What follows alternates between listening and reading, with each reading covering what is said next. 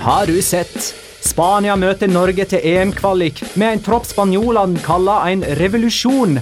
Skal vi nok en gang ta i bruk begrepet 'det nye Spania' for n-te gang på fem år? Og i Champions League-kvartfinalen møter Barcelona United, eller Solskjær som vi kaller dem. Marka kaller det drømmetrekning.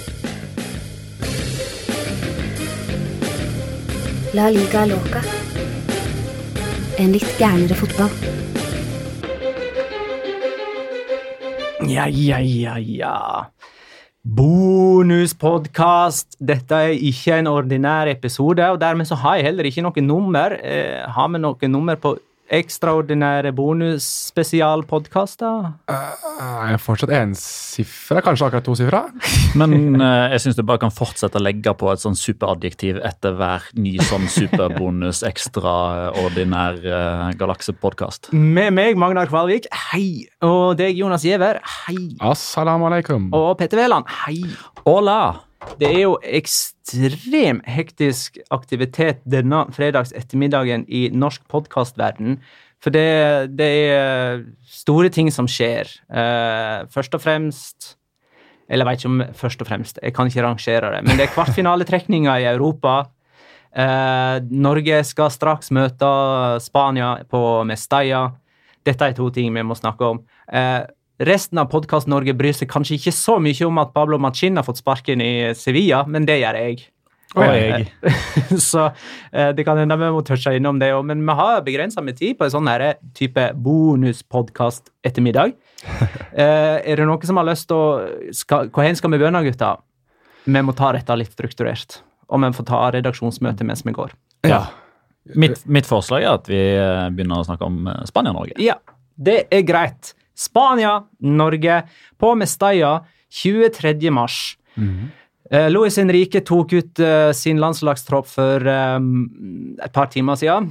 Litt mer enn det, men tidligere i dag. Uh, bare sånn for å ta det helt formelle. Spania er i motsetning til Norge ikke garantert en sånn ekstrasjanse i, i playoff. Eh, sånn, altså Altså Nations League. eh, ja, sant. Eh, om Norge ikke skulle kvalifisere seg til EM gjennom denne EM-kvaliken som starter nå, så har jo de en playoff-sjanse fordi de vant sin Nations League-gruppa. Det gjorde ikke Spania. Den gruppa vant England, så det er England som har den ekstra sjansen. Men hvis England kvalifiserer seg direkte gjennom ordinær kvalik, så går eh, Spania eller får eh, Spania den sjansen i stedet for. Er ikke det sånn? Siden de var i samme Nation League-gruppa. Vet du hva, Magnar? Det høres logisk ut. Ja, vi rocker ikke ved det. Nei, så, men eh, for Spania sin del så, så er det sånn De bør For Spania sin del så skal de vinne gruppa uansett. De skal uansett vinne gruppa, men har jo på en måte det presset om at det må de jo nesten nå, da. Eller det er jo de to beste som kvalifiserer seg. Uh, og da, jeg syns det er helt greit at vi òg tar denne gruppa. Det er Spania, dette er gruppe F. Spania, Norge, Sverige, Romania, Færøyene og Malta. De to beste kvalifiserer seg altså til EM 2020. Uh, og det er vel uh, vanlig å anta at Norge kjemper med Sverige om andreplassen. Så okay, jeg... Og da Ja, Ja. jeg skal fullføre sp- eh, Jeg skal komme med et spørsmål Ja, her. ok, ja. Uh, men er det lurt å ta for gitt at Spania vinner denne gruppa her? Det er vel ikke lurt, men det er vel igjen eh, snakket jeg med logikk i stad også, men det er vel logisk å anta at det er sånn det skal være. Men jeg synes jo det er litt eh, slemt av oss å skrote Romania helt, da. Ja, jeg òg er inne på den tanken der at det, det er mange som har gått på en smell tidligere ved å automatisk bare se litt sånn hvor de kommer fra, og det er litt sånn Øst-Europa. Det går fint. Ja, nettopp. Det jeg synes Romania har etter de bytta trenere, vel, så har vi Romania hatt en ganske positiv oppgang. Nå kan jeg si at jeg følger så nøye med på rumensk landslagsfotball, men de har jo mye spennende spillere. og Nå er det jo en Haji som spiller med nummer ti på ryggen i Romania, eh, så det lover jo alltid godt for rumenerne. Så jeg skal ikke dette være en podkast om rumensk landslagsfotball, men eh, jeg synes uansett at det, det logiske her er at Spania burde vinne denne gruppa. og så i, I en logisk verden så er det selvfølgelig da enten Romania, Sverige eller Norge som skal ta andreplassen, og så må eh, brikkene falle litt deretter. Det er, de, det er de tre etter Spania, og så kan du nesten kaste på veggen hvem av dem som er nummer to. Man kan ikke utelukke at et lag som har eh, Haji og Puskas i troppen eh, Man kan ikke utelukke de. Altså, det er så deilig. Og Puskas heter faktisk da Georgie til fornavn, bare sånn for å gjøre det enda bedre. Georgi Puskas, liksom. Mm. Ja, og så er det Janis Haji. Ja. ja. Eh, skal vi Spania, altså Marca i alle fall, har kalla landslagsuttaket til Luis Henrique en revolusjon. Dette er jo ikke noe Henrique egentlig Eller skal vi si Vi må nesten si Luis Henrique, sant? Det For dette er to fornavn. Mm. Eh, Det er mange som går i den fella der. Det, det er det samme med han Alberto på Liverpool. Luis Alberto. Nei, hva han heter Alberto Moreno. Alberto Moreno, ja. Eh, man kaller han Moreno gjerne. Ja, men det er riktig. Er, er det etternavnet hans? Moreno er et etternavn. Å ja. Mens Luis Henrique er dobbeltnavn. Det altså, det, det blir som å si Ja. gu... Altså, hvis man uh, sier bare Henrique, så blir det som å kalle uh, den nåværende Manchester United-treneren for Gunnar. Mm. Istedenfor Ole Gunnar. Riktig. Sånn. Hvorfor tok jeg Alberto Moreno? Det, det kan hende det var Luis Alberto jeg Ja, tenkte på. det. At jeg Han er jo tidligere Liverpool-spiller, Ja. han òg, Men uh, da, nå går vi i alle fall videre. Luis Henrique avviser ikke at dette er en revolusjon, men han vil heller kalle det en evolusjon. Uh, og hvorfor er det så mye oppstyr rundt uh, denne landslagstroppen her, som består av 23 mann, sant? Den består av 23 mann, og det snakkes vel så mye om de som ikke er med. Eh, altså Isco. Eh, kanskje ikke så overraskende med tanke på den vinteren han har hatt i Real Madrid, men Saul er ikke med, og det er ikke snakk om noe skade. Det har i hvert fall ikke kommet ut ennå, og det var heller ikke noe begrunnelse som Luis Henrique brukte. Tiago eh, har gått fra å være klink benkers førstemann. Eh, altså det er gjerne den tre, trioen man har sett, sammen med Busquets eh, sentralt på midten, da, altså Tiago, Isco, Saul. Det har liksom vært eh, tidvis hjertet, altså den sentrale delen av det spanske landslaget. Det var det i, i Lopetegi sin korte karriere, i hvert fall. Ja. Um, så det kom jo et form for uh, et både varsla generasjonsskifte, men så kommer det kanskje i litt større grad enn hva man trodde. Det kommer litt litt for uh, mange endringer, skal jeg være litt forsiktig med, men det kommer litt flere endringer enn hva man kanskje trodde. Uh, og da kan man jo begynne å spekulere i, i hvorfor. Og da har jeg en teori om at for det første så er det viktig for Louise Henrique å få gjort eventuelle endringer eller eh, prøvelser eh, ganske tidlig for å ha flere muligheter til å eh, korrigere i etterkant av disse mulige endringene. Eh, en annen ting er at i løpet av 2019 så skal det kun spilles tellende kamper. For de ti kampene eh, som blir spilt for Spania i 2019, det er ti kvalikkamper. Det er ingen treningskamper. Og de kommer i fem bolker. Det er dobbeltoppgjør i mars, juni, september, oktober, november. Ja, de møter Norge og Malta nå. Ja. Ja, og det er eh, det minst vanskelige. Den kombinasjonen der. Mm. Og Norge er på hjemmebane til Nei, Spania er på hjemmebane mot Norge. Ja, det er nettopp det. Eh, så jeg tror at Luis Henrique tenker greit, skal man noen gang i løpet av 2019 finne et tidspunkt der man skroter Saul, fordi han er benker som er videre uansett, eh, finne et tidspunkt der man prøver Parejo, Canales og den gjengen der som kom inn som nytt friskt blod, så er det noe i mars. Mm. Dette er liksom Luis Henriques to treningskamper. Ja, I hermetegn, da. Eller, ja. Muligheten Ja. til å eh, liksom eksperimentere, Ja. som du, som du eh, sier. Men hvor mye skal han egentlig eksperimentere når han har tatt nå til sammen, på et halvt år, opp 41 ulike spillere som landslagstrener?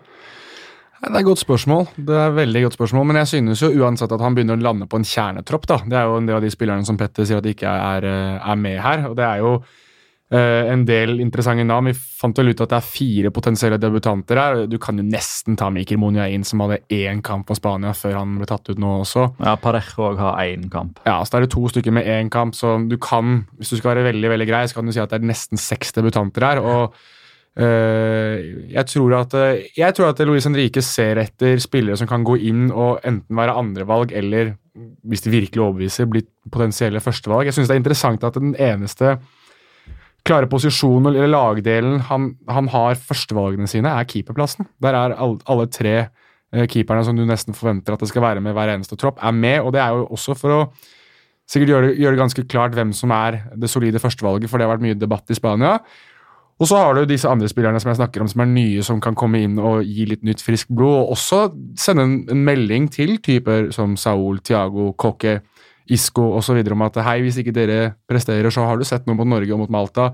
At det, det potensielt er en Canales, det potensielt er en jeg ønsker jeg ta Fabian Ruiz, som kan komme inn og ta plassen din dersom du ikke fungerer. Så jeg tror at det like mye er å teste ut spillere som det å sende en melding til de etablerte om at selv om dere er førstevalg, så er dere ikke soleklare førstevalg hvis disse gutta her presterer, og det tror jeg de kommer til å gjøre. Og så har jo heller ikke Louis Henrique fått så veldig mange kjempegode svar eh, de foregående gangene han har eksperimentert litt òg. Altså tatt mot Kroatia, tatt mot England, eh, sliteseier mot Bosnia i, i, i forrige landskamp. Um, samtidig så er det jo hvis man ser på, på troppen, da, så er det jo det er veldig mange formspillere Ja, som er tatt mange. ut, som, som er i sin beste periode av karrieren, der både spilleren sjøl kanskje tenker det, eh, Luis Henrique tenker det, at skal man noen gang prøve ut vedkommende, så er det nå.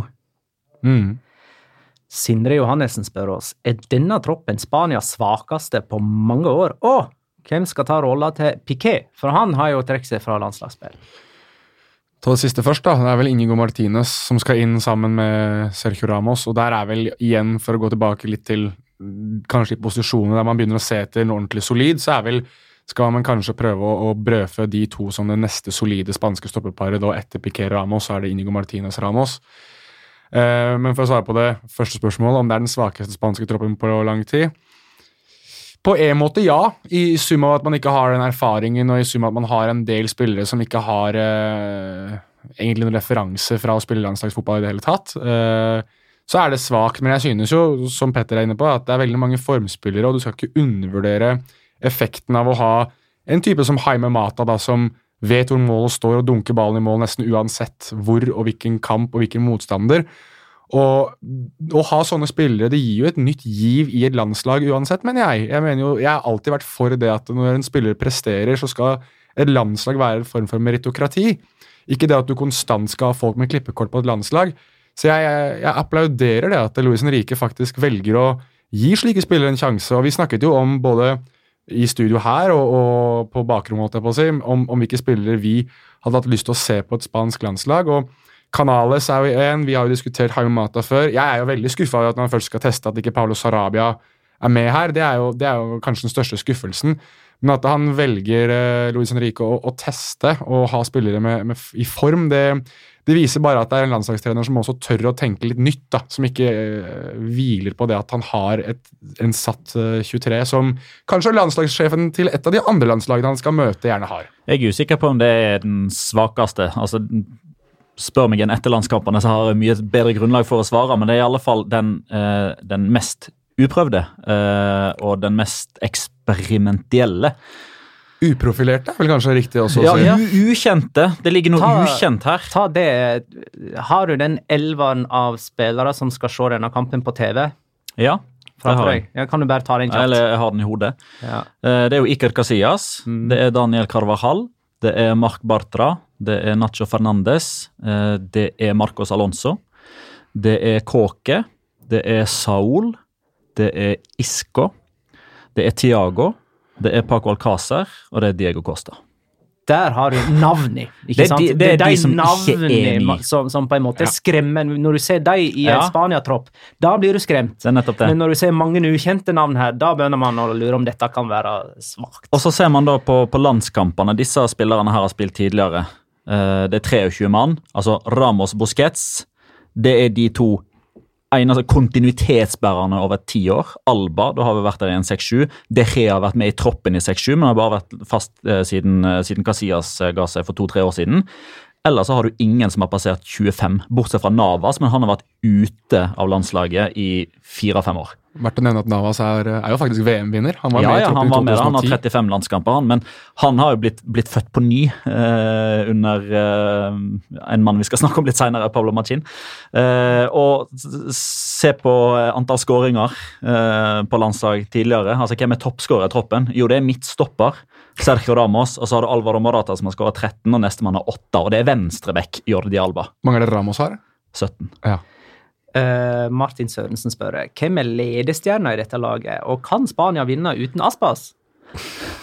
Ja, nå, nå har heldig, Spania har jo litt bedre det, erstattere enn Celta Vigo, da. Og har en bedre statistikk uten Aspas enn det Celta Vigo har. Ja, det er helt riktig. Eh, Altså, led, ledestjerner er jo, det, altså, det er jo Ramos og Busquets. Ja. Det, og, og ja, Derea, selv om han eh, fortsatt ikke er eh, på langt nær like akseptert som spansk landslagskeeper som Casillas i sin tid var, av den enkle grunn at han ikke spiller i La, Liga. Eh, kall det smålig, kall det feigt, men, men det er liksom faktumet fram til De Rea presterer like bra på det spanske landslaget som han gjør for Manchester United. For faktum, eh, fakta, det, det har han ikke gjort. Og I angrep så er det verdt å påpeke at eh, Marco Ascencio gjerne er bedre for Spania enn for Real Madrid. I hvert fall hvis du skal se de andre landskampene han har spilt tidligere. Han var jo sensasjonell mot eh, Kroatia. Den kampen så jeg og Petter i Hoffenheim, i baksetet eh, av en bil med Gjermund Berg og Daniel Høglund gjennom Europa. og Der eh, husker jeg vi begge to satt og nesten måpte over hvor god han var. Vi gikk ut av bilen på 4-0. Eh, og så spilte vi inn den videoen som varte et par minutter. Tok et par selfier, satte oss inn i bilen igjen. Å ja, 6-0, ja. Ja, riktig. Ta, hva er Spanias elver mot Norge, tror vi? Skal prøve å sette opp en elver, da. Vi kan jo sette opp den elveren som vi tror er mest sannsynlig, men du har jo en teori også, Petter. på Ja, hva den, som den kan vi ta etterpå. Ja. Men, men la oss si at uh, 4-3-3. Luis Henrique endrer mye på troppen, men uh, de fortsetter med den samme filosofien og det samme oppsettet. Det er jo veldig flytende, dette her, men vi har satt det opp da, i, i utgangspunktet i en 4-2-3-1. Ja, ja 4-2-3-4. Ja. Mm. Og David De Gea i mål er jo bankers. Den, eh, den er temmelig bankers. Og så uh, sier vel at det er Sergio Roberto som spiller høyreback. Ja, det ligger an til det. Det, altså, det er ingen ren høyreback i troppen. Altså, det blir enten Sergi Roberto, som jo spiller mm, ja, la oss si, to femtedeler av kampene sine da, for Barcelona som høyreback, eller Jesus Navas, som er Ja. wingback. Eh, eller så gjør de noe annet som jeg skal eh, foreslå etterpå. Ja, På andre siden så er det Jordi Alba, den er bankers ferdigskrevet. Og så er det det midtstopparet vi snakket om, Sergio Ramos og Inigo Martinez. Og så tror vi de kjører en doble pivote, rett og slett fordi Luis Henrique vil ha med eh, Rodrigo Hernandez i mangel av Saul, Kåke, Isco, Tiago. For at det ikke skal bli for mye endringer, så kjører han Rodri sammen med Busquets. Ja, og For de som ikke vet hva pivot der, så er det da to dype midtbanespillere som skal styre. Og Busquets Rodri. Og så tror vi vel at det kanskje er Sergio Canales som får plassen foran de to, som skal ligge og strø og styre og gjøre litt det han har gjort for Betis, også med dype løp. Han har vi snakka mye varmt om eh, denne Og han er den sesongen her. Og han er den som jeg i hvert fall føler når jeg ser den troppen her, at jeg tenker at takk gudene for at han fikk en plass nå, for den er fortjent. Mm.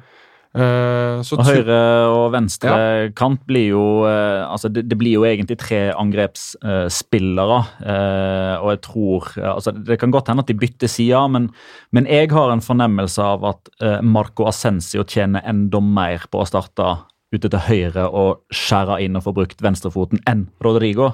Så jeg tror det er altså Ascencio høyre, Rodrigo venstre og på topp. Alvaro Morata. Men dette er ikke bankers, altså, for å si det forsiktig. Nei, det er ikke det, og det er vel eh, for eh, Per Johansen og Lars Lagerbäck så er det vel mer hodebry, for her er de ganske us her er Vi er vel usikre, og jeg tipper at de er ganske usikre på hva de egentlig får. Og det er jo det som er litt nydelig med en sånn tropp som det her, at eh, den ser kanskje svakere ut for veldig mange, men samtidig så er det jo bare Du, du går jo inn mot det ukjente, fordi de har jo sikkert analysert Spania opp i Evente med en slags teori om hva de møter. Her er det ganske mye usikkert, og hvis de gjør det du snakket om tidligere, Petter, din teori, så er det jo enda mer usikkert. Og hva er teorien din? Teorien, altså det, det første som slo meg eh, når jeg så troppen og gikk gjennom og tenkte hvem er her, eh, og hvem er ikke her, eh, og litt tilbake igjen til mangelen av høyreback, så skroter ikke jeg helt den ideen om at Luis Henrique kanskje skal prøve å sette sitt stempel på laget så mye at han rett og slett endrer radikalt i form av formasjon, at de spiller med tre mann bak. Så tre stoppere. Og da er Ramos og Inigo Martinez helt, uh, helt bankers. Uh, og da er det jo da eventuelt Mario Hermoso eller Sergi Gomez som tar den tredje. Det som gjør meg litt usikker på om, det, om Luis Henrique liksom tør å gjøre det, at da er det en tredje stopper der som er et i utgangspunktet kanskje litt svakt, uh, svakt kort. Eventuelt så, så starter man med en firer, men at Busquets blir den tredje stopperen fordi Spania kommer til å ha kjempemye ball.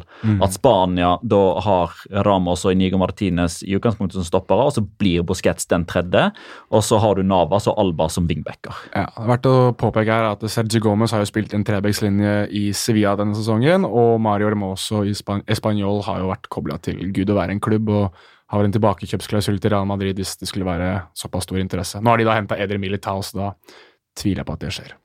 Eh, Stenek Soposek, hvis det er sånn det skal uttales, spør jeg i alle sine kamper i Nation League gikk Norge hardt og ut eh, med høyt eh, press. Mm. skal, skråstrek burde, skråstrek må de gjøre det samme mot Spania? De må ikke. Det må de ikke, for da risikerer de å bli eh, spilt av, enkelt og greit. Fordi det, altså, man, man har en del plussider og, og positive synergieffekter av å stå høyt hvis man gjør det 100% Det som er risikoen, det som er farlig med høyt press, og som gjør at man, man ser det ikke så veldig ofte, egentlig, det er jo altså hvis du har ni utespillere av ti som gjør jobben 100% så nytter det ikke så, lenge én av de, eh, eller da sistemann, kun gjør det 95% For det er kun den 5% et såpass godt og ballsikkert lag som Spania trenger for å utnytte det på det groveste. Men har ikke vi snakka om tidligere, f.eks. med Rayo Vallecano, Las Palmas, altså under ledelse av Paco Hemes, at det kan være like greit å gå ut på sin måte mot de beste lagene for å få øvd på sin måte å spille fotball på. Dette er jo en kamp som på en måte Norge kan har ikke noe å tape. Altså, forventningene til Norge her er at de skal tape, og det er ikke krise heller om de gjør det.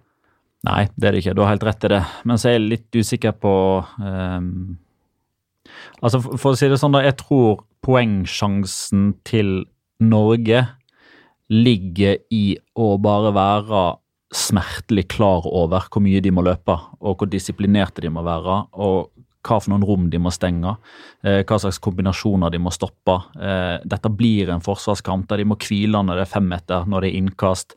Eh, dunke ballen unna når, når klimaet tilsier det. Ikke ta risiko med ball. Unngå balltap. Rett og slett være veldig pragmatiske og bare egentlig bare å forstå hva som må til da for, for, ta, for å ta poeng. Eh, og da, da, Man kan ikke spille mot Spania som man gjør mot Bulgaria. Det kan man ikke. Hva slags svakheter ser vi i Spania som Norge har av styrker de kan utnytte?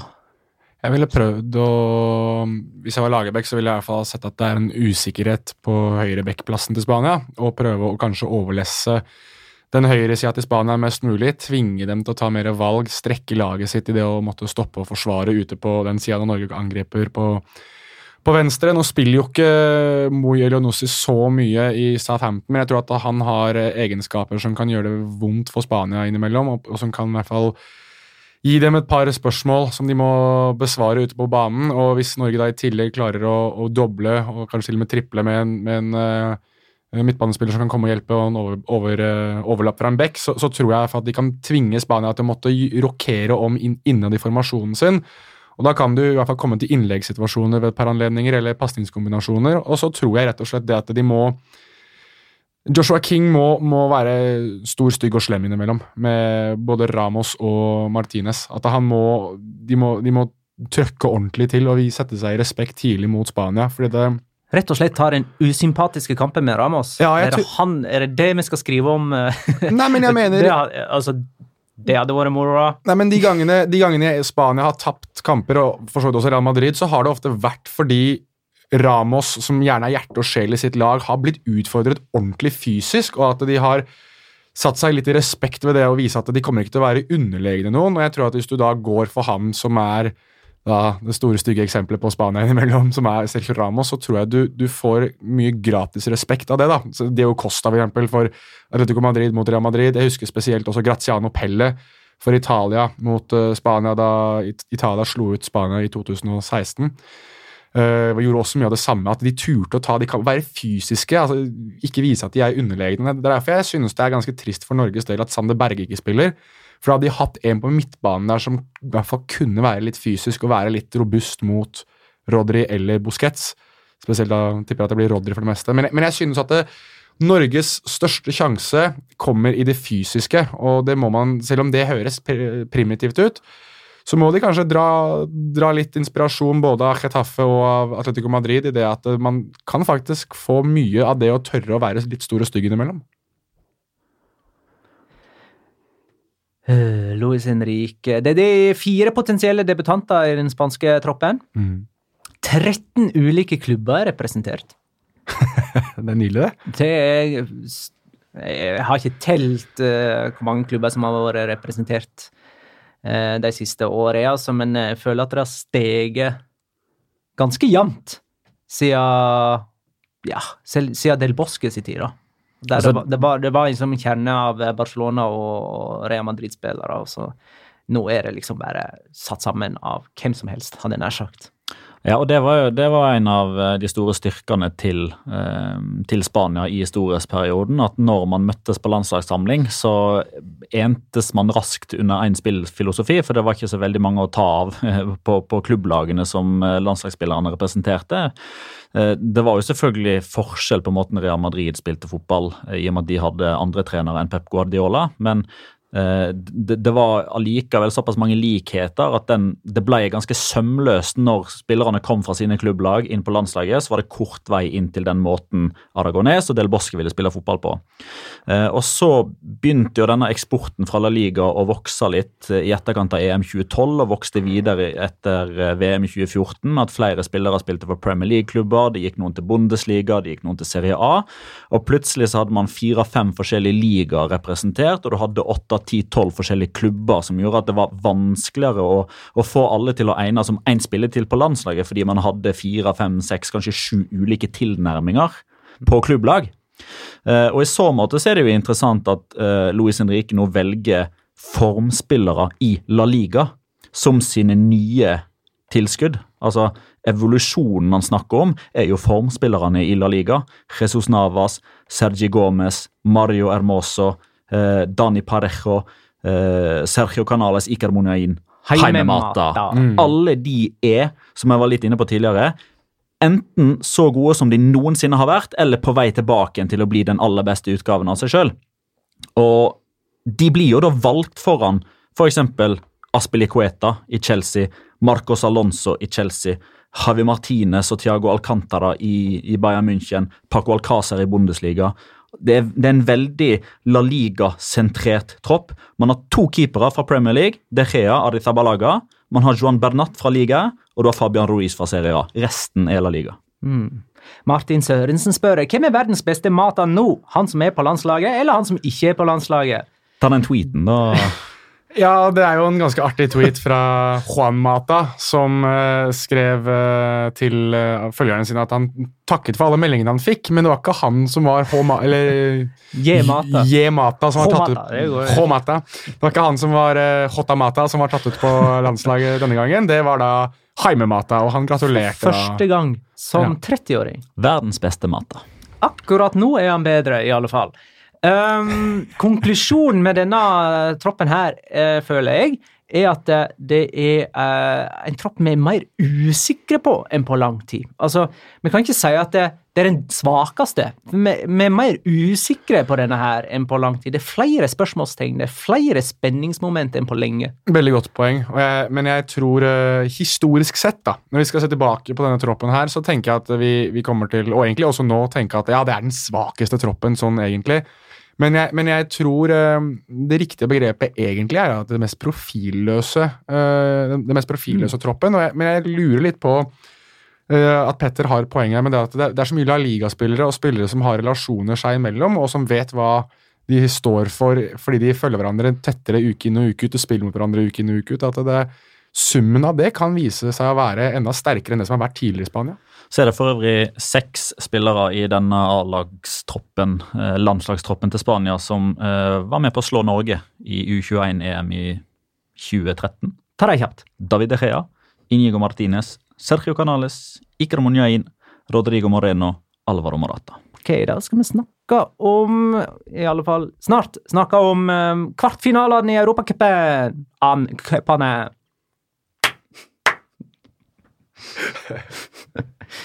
Eh, I Champions League så eh, møtes da Ajax og Juventus.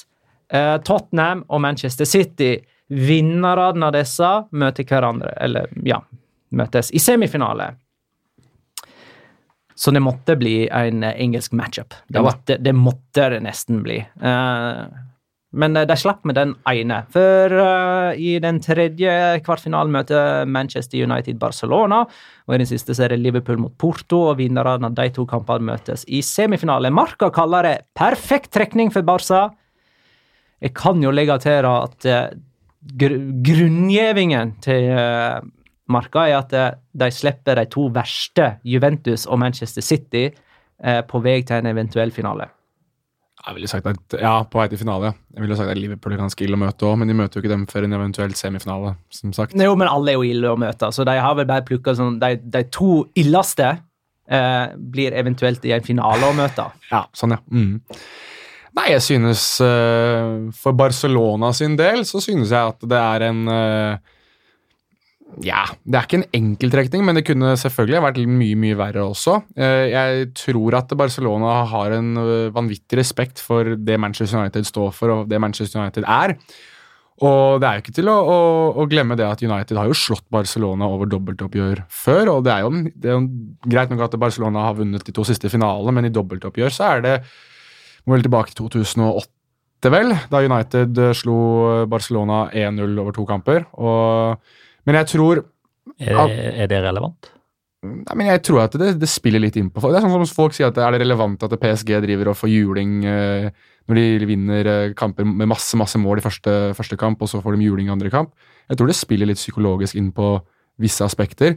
Og Barcelona er jo en klubb som mer enn veldig mange andre klubber snakker om historikk, og mange ganger nevner at det, hvor mye de vinner på Wembley, og at det er deres hjemmebane, og hver gang de skal møte Tottenham eller spille Champions League-finaler, så har det en stor påvirkning. Men jeg tror eh, jeg satt og hørte på dere i Viasat, Petter, da dere snakket om det. Jeg synes øhm, 60-40 fra Jan Åge Fjørtoft synes jeg var litt snilt i favør United. Så jeg er sånn 70-30 Barcelona. I det Men han at, hadde øh, 60-40 favør Ba- Barcelona. Barcelona i kamp mot United. Ja. Ja. Men jeg, jeg Og du sier 70-30. Ja, jeg synes det. Altså, Barcelona er et bedre fotballag. altså, med ballen, med ballen, og hvis United må løpe og løpe og løpe, så har vel ja, Mot PSG på hjemmebane så måtte de gjøre litt det samme, og da ble United drittlei etter en stund, og da kunne egentlig PSG gjøre litt sånn som de ville, og forestille Barcelona som da er enda bedre med ballen i beina. Jeg føler i utgangspunktet man fikk eh, de fire favorittene mot de fire utfordrerne, egentlig. Altså Hvis man så Ja. på eh, odds-favorittene til å vinne Champions League før trekninga, så var det de fire på topp som trakk de fire på bunn. Eh, og Således er det Jeg syns det er fire favoritter som, som gir seg sjøl, eh, men det er jo to oppgjør som er litt mer jevnere enn en de andre. Altså de, de som kom best ut av trekninga, var jo Liverpool og eh, Juventus. Eh, med tanke på Altså, det var Ajax og Porto man ville ha, Ja hvis man kunne velge. Eh, og så tror jeg City er eh, helt ok fornøyd med, med Tottenham. Når det først ble helt engelsk og City var en del av, eh, av det, så tror jeg de er fornøyd med at det ble Tottenham. For de har et OK overtak på de innbyrdes, og de tar veldig mange flere poeng enn de i løpet av en sesong. Der har man et veldig fint sammenligningsgrunnlag.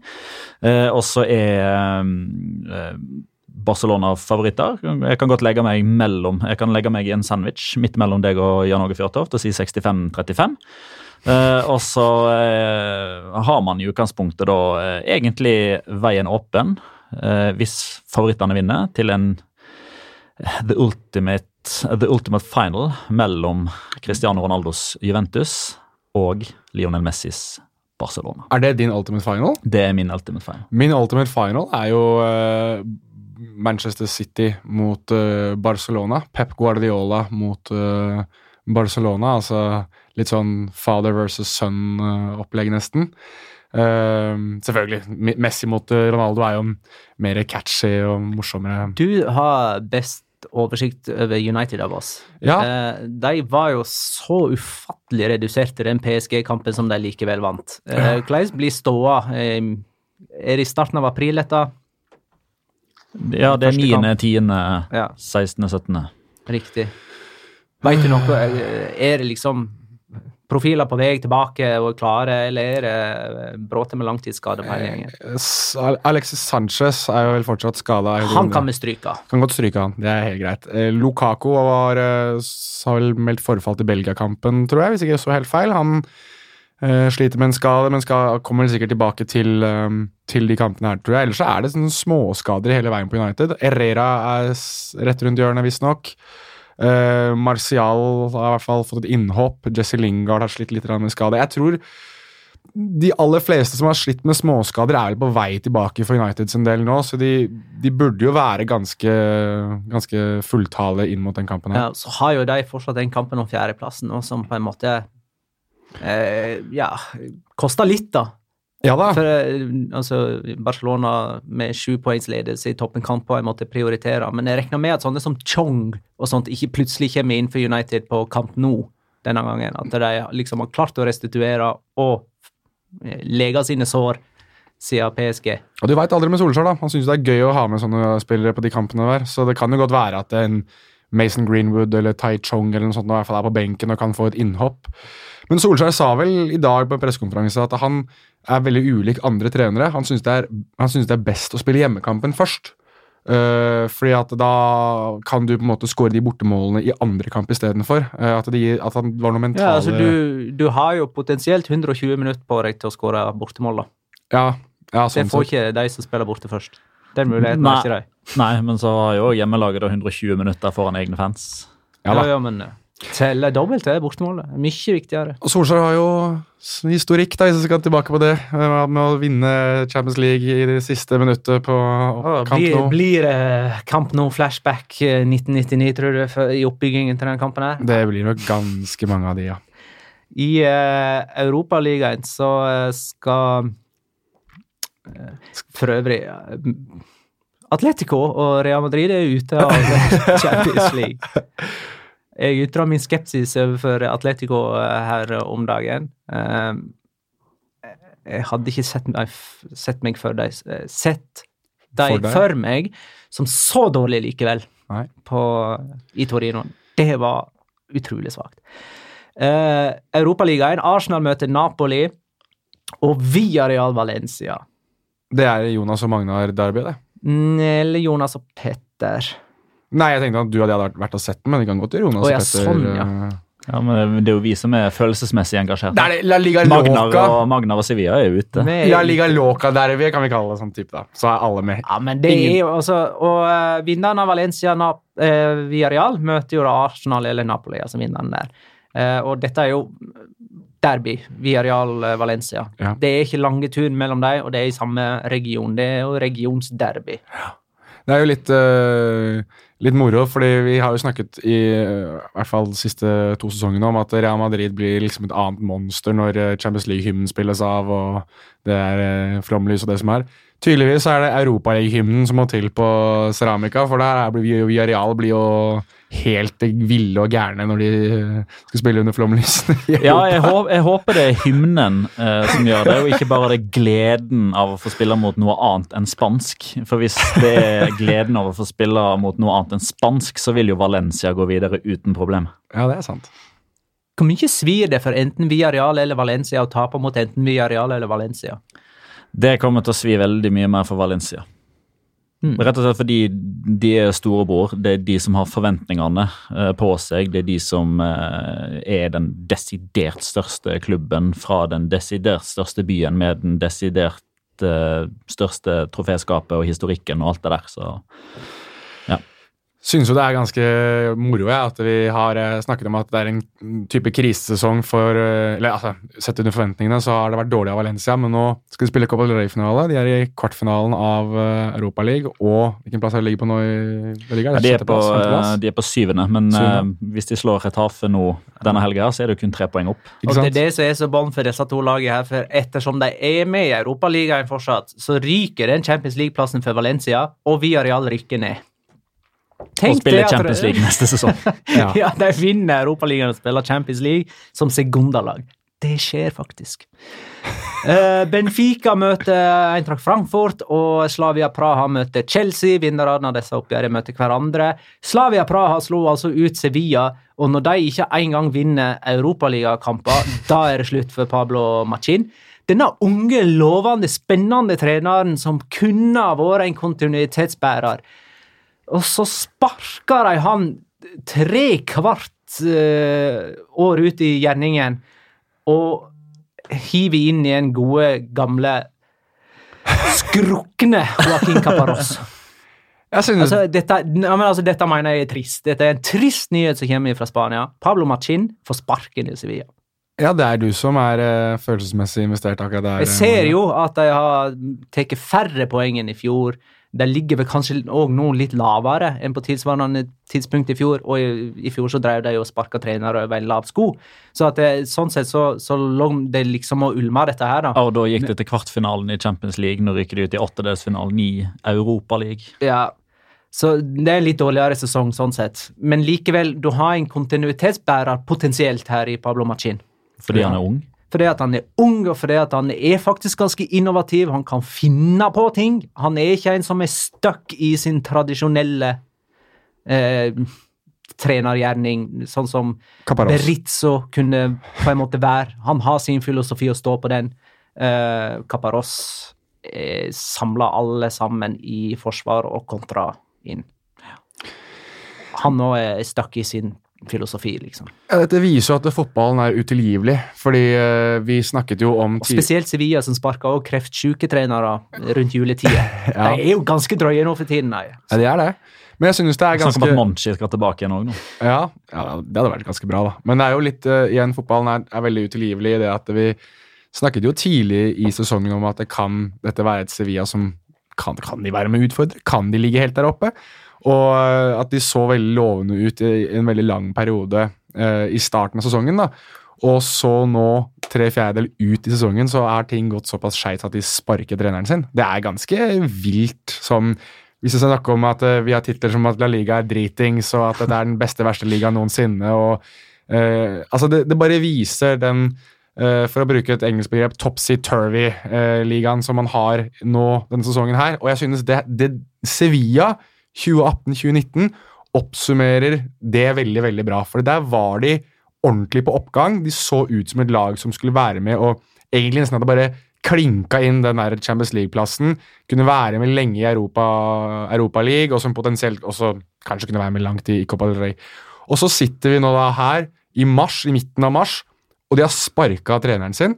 De er slått ut av Europa League av et tsjekkisk motstander som ikke har spilt eh, kvartfinale i noen som helst Europacup siden 99-2000. Og jeg husker ikke når de ble slått ut jeg, i eh, Copa del Rey. Så dette her er altså det Kvartfinalen mot Barcelona. Ja, kanskje han var sånn, da. Greit, takk skal du ha. Det oppsummerer i hvert fall så mye av denne sesongen bare i ett lag. Og et av de, altså, et av de største rivaleriene i Spania, hvis man ser bort ifra byrivaleriene som, som gir seg sjøl, med Sevilla Betis, Barcelona, Spanjol, Real Madrid, Atletico Madrid. Så et av de som liksom har blussa de siste årene i kampen om å være det fjerde beste laget i Spania. De jakter ofte samme spillere. Sevilla Valencia. Der har du to klubber som har snudd på fjøla. For i begynnelsen av januar når Valencia tapte borte mot Alaves, og vi satt her og lurte på hva er det Marcelino holder på med, når han virka desperat, når han gikk bort ifra ideene sine. Og spilte trebekslinje, var det ikke det? Han spilte trebekslinja og tapte borte mot Alaves. Da var jo Sevilla nummer eh, tre. var nummer tre, Da var de foran Real Madrid. Da var de, eh, Begge lagene var videre i Copa del Rey. Begge lagene var videre i Europa League. Altså, eller Valencia hadde da røkket ut av Champions League, så, så de hadde jo liksom kommet seg til Europa League gjennom sånn utslått tapervei. Eh, og va, Da var Valencia på nedre halvdel og hadde kun vunnet fire av de første 18 kampene. Da var Sevilla-supporterne ja, da, da pekte de nesa. Og se nå, to og en halv måned etterpå, Sevilla sparker treneren. De er A-poeng. Valencia videre, Sevilla ute.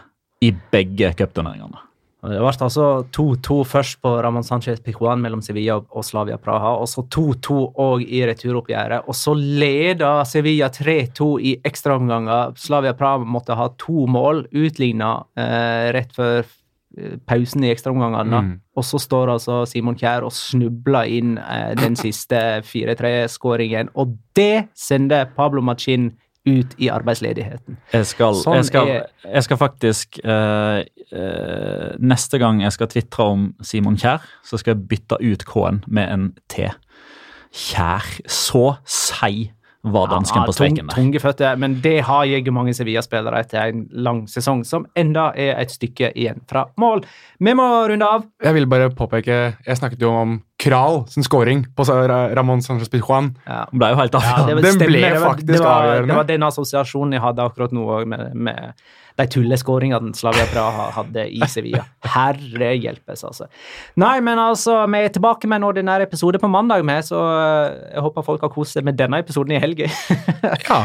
Eh, tusen takk for alle innspill eh, og spørsmål fra lyttere. Fortsett med å gi oss hyggelig omtale og mange stjerner på iTunes. Takk for at du lytta, kjære lytter. Ha det, da.